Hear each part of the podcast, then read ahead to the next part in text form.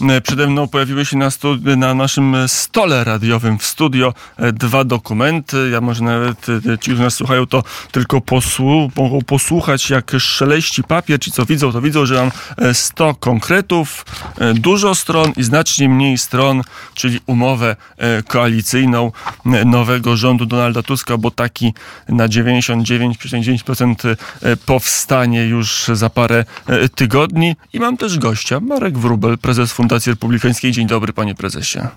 Dzień dobry, kłaniam się. E, umowa koalicyjna, mówią politycy, pierwsza jawna umowa koalicyjna, nieprawda. E, to PiS powiedział taką metodę, że podpisywało ze swoimi małymi takimi pseudo, no bo wchodzili z jednej listy, to byli tacy trochę udawani koalicyjni, ko, koalicjanci tajne umowy, no ale pamiętam umowę mm, e, chociażby mm, AWS-UW, ona była jawna, mm, umowy między SLD a PSRM też były jawne, no ale ta umowa jest dość swoista. E, co ona nam mówi o potencjalnym nowym rządzie Donalda Tuska? E, właściwie niewiele nam mówi, dlatego że to nie tyle jest, to znaczy spodziewaliśmy się, nie wiem kto się spodziewał, ja się spodziewałem w każdym razie e, więcej konkretów, choćby na poziomie stu konkretów e, koalicji obywatelskiej. To znaczy nie chodzi o powtarzanie tego, tylko poziom e, głębie. Tak, i wejście w pewien szczegół. Szczegół, no bo... Natomiast y, w umowie koalicyjnej szczegółów właściwie nie mamy. Jakieś dosłownie pojedyncze, pojedyncze rzeczy. Y, wiele, y, wiele zapisów jest sformułowanych tak, że nie, właściwie wie, znaczna większość zapisów jest sformułowana tak, że nie, nie trzeba będzie się z nich wywiązywać, bo jest chcemy, aby, będziemy dążyć. Czyli krótko mówiąc, to jest umowa koalicyjna, która wygląda jak przemówienie e, w czasie, e, w czasie kampanii, z tym, że przemówienia w czasie kampanii były o wiele konkretniejsze. To jest taka, bo ja wiem, deklaracja chęci, deklaracja e, intencji, tak bym to nazwał. No, nie, nie jest to umowa w ścisłym e, tego słowa znaczeniu.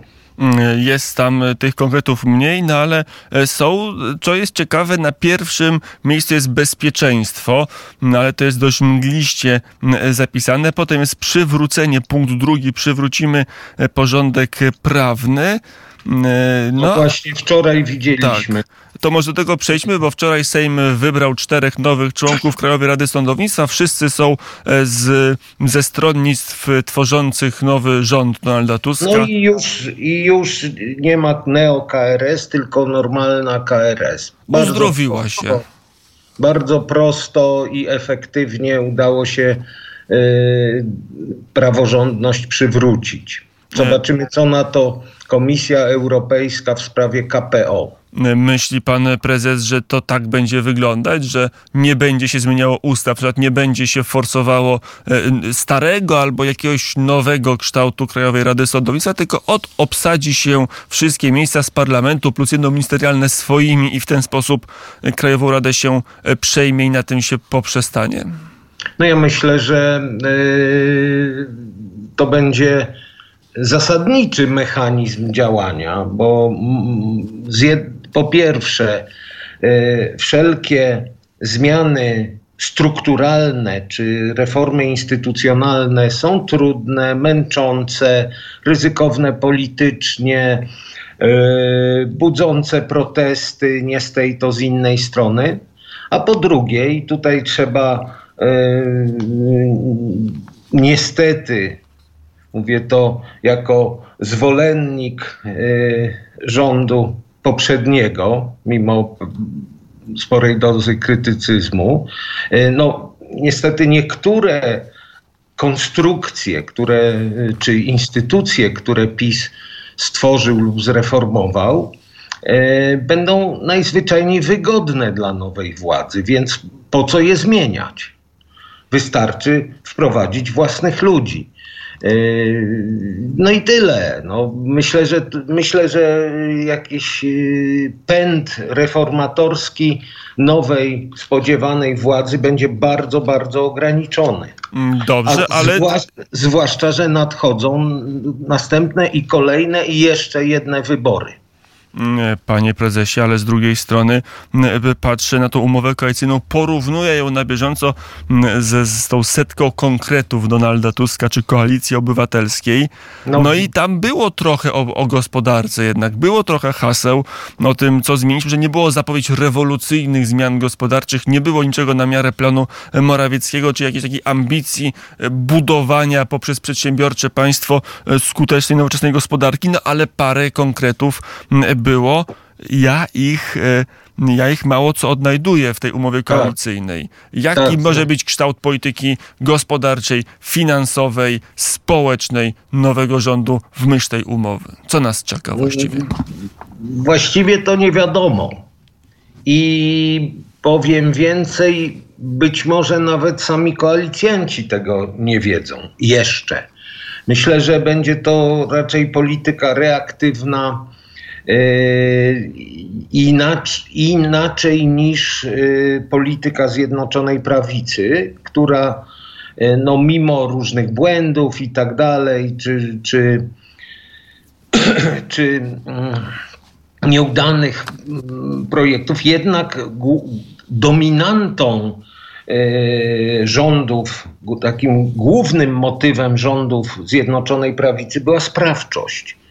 Y, oni chcieli zmieniać i zmieniali. Tutaj y, mam poważne wątpliwości, co zresztą wcale nie musi być złą wiadomością. Y, rząd, nowy rząd superkoalicyjny, złożony z co najmniej czterech ugrupowań. No, czterech klubów. Ugrupowań to tam jest kilkanaście, no. trudno się doliczyć do końca, ale, ale klubów w Sejmie będzie cztery. No niektóre są nieznaczące, inne małe mogą być znaczące, jak na przykład Zieloni, bo mają inne podejście do, e, do wielu spraw niż główna platforma i tak dalej, i tak dalej. Oczywiście no, właściwie nie wiadomo ilu tych, ile trzeba policzyć tych ugrupowań, dlatego że to wyjdzie w praniu. Jeśli poszczególne ugrupowania będą próbowały forsować własną politykę, a nie tylko, czy własne pomysły, a nie tylko podporządkowywać się tym e, mainstreamowym, no to trzeba je liczyć. Jeśli będą robić to, co e, patron, no to nie trzeba ich liczyć. No w każdym razie ta polityka moim zdaniem będzie dosyć bierna.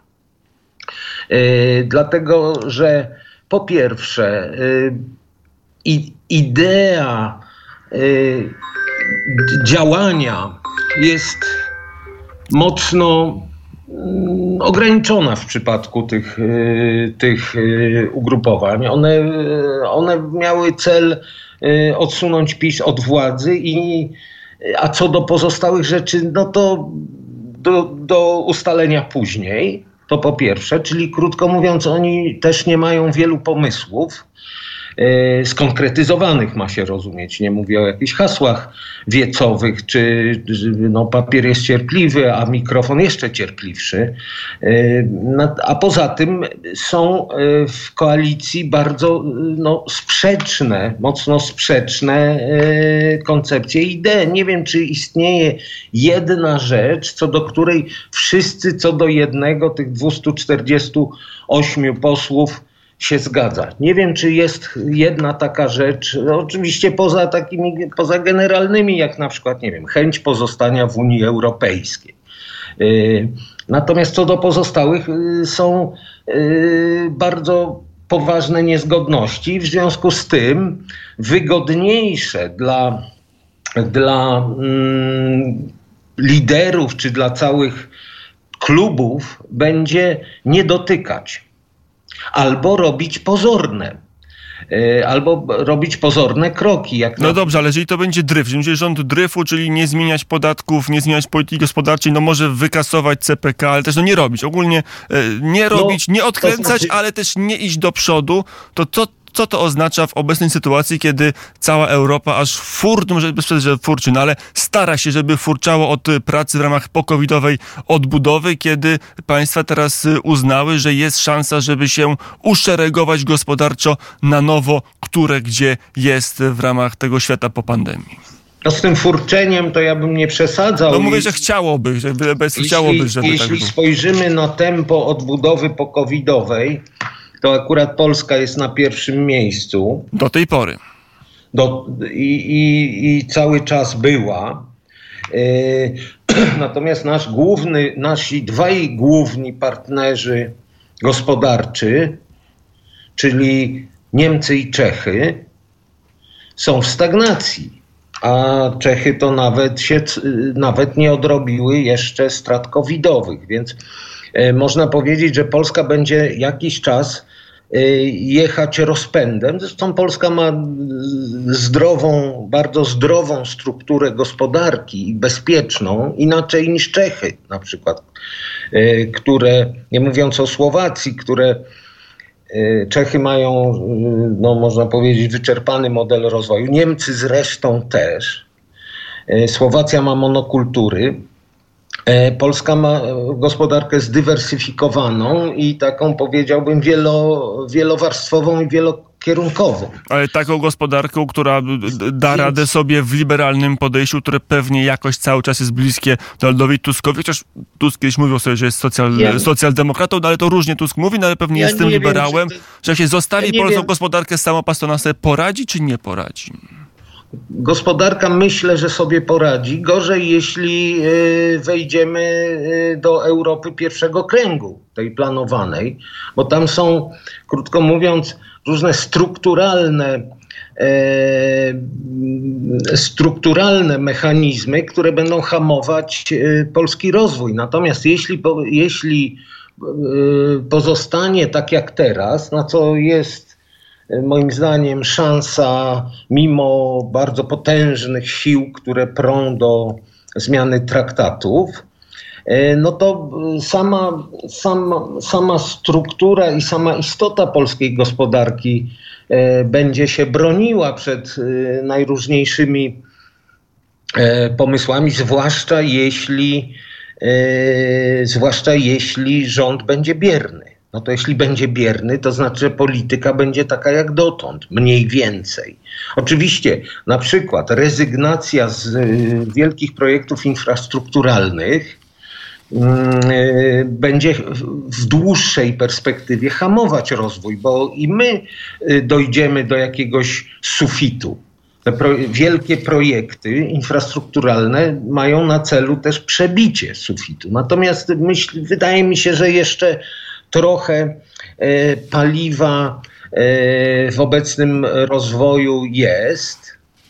Zresztą e, plan Morawieckiego, czyli strategia dla odpowiedzialnego rozwoju, definiowała, opisywała wyczerpywanie się tych paliw rozwojowych i okazało się, że nie do końca słusznie, ponieważ na przykład w, inwestycje, które no, w Polsce są na dość e, relatywnie niskim poziomie, zawsze. E, wcale nie, e, wcale nie, ten niski poziom wcale nie spowodował zahamowania rozwoju i tak dalej, i tak dalej. Więc myślę, że gospodarka jest dosyć odporna. A, a jeśli polityka rządu się nie zmieni, to znaczy niewiele się zmieni w stosunku do rządu e, w porównaniu z rządem odchodzącym, no to moim zdaniem nie, to nie jest tak źle. Mm, to jeszcze e, tak, co do samej gospodarki, e, dopiero gospodarka pojawia się w 11 punkcie na 24, e, wcześniej przed bezpieczeństwem, o czym mówiłem, przed przejęciem Sądu Najwyższego, czy przed tą gospodarką jest przejęcie Sądu Najwyższego, czyli praworządność i Trybunału Konstytucyjnego, także podwyżki dla nauczycieli, zwiększenie PKB na edukację, tak, tak jest, koalicja jakość ochrony zdrowia, zdrowia, czyli NFZ bez kolejek, orientacja seksualna, jest, jest klimat, jest to, co zostało osuszone, teraz będzie nawadnianie, czyli odtwarzanie bagien i torfowisk. Taki dopiero w dziesiątym punkcie pojawia się postulat przywrócenia przewidywalności w systemie podatkowym oraz ustabilizowanie prawa i przywrócenie dialogu z organizacjami reprezentującymi pracodawców i związkami zawodowymi, a punkt jedenasty to jest przywrócenie transparentności finansów państwa. Co te punkty mówią o, o ambicjach i o kierunku polityki ekonomicznej przyszłego rządu centrolewu? Te, te, dwa punkty właściwie nic nie mówią, zwłaszcza punkt jedenasty, ponieważ on nie zawiera żadnej treści. Poza tym, że no, przeprowadzimy przegląd e, instytucji i publikacja Białej Księgi Finansów Państwa. To jest wszystko, jeśli chodzi o finanse publiczne.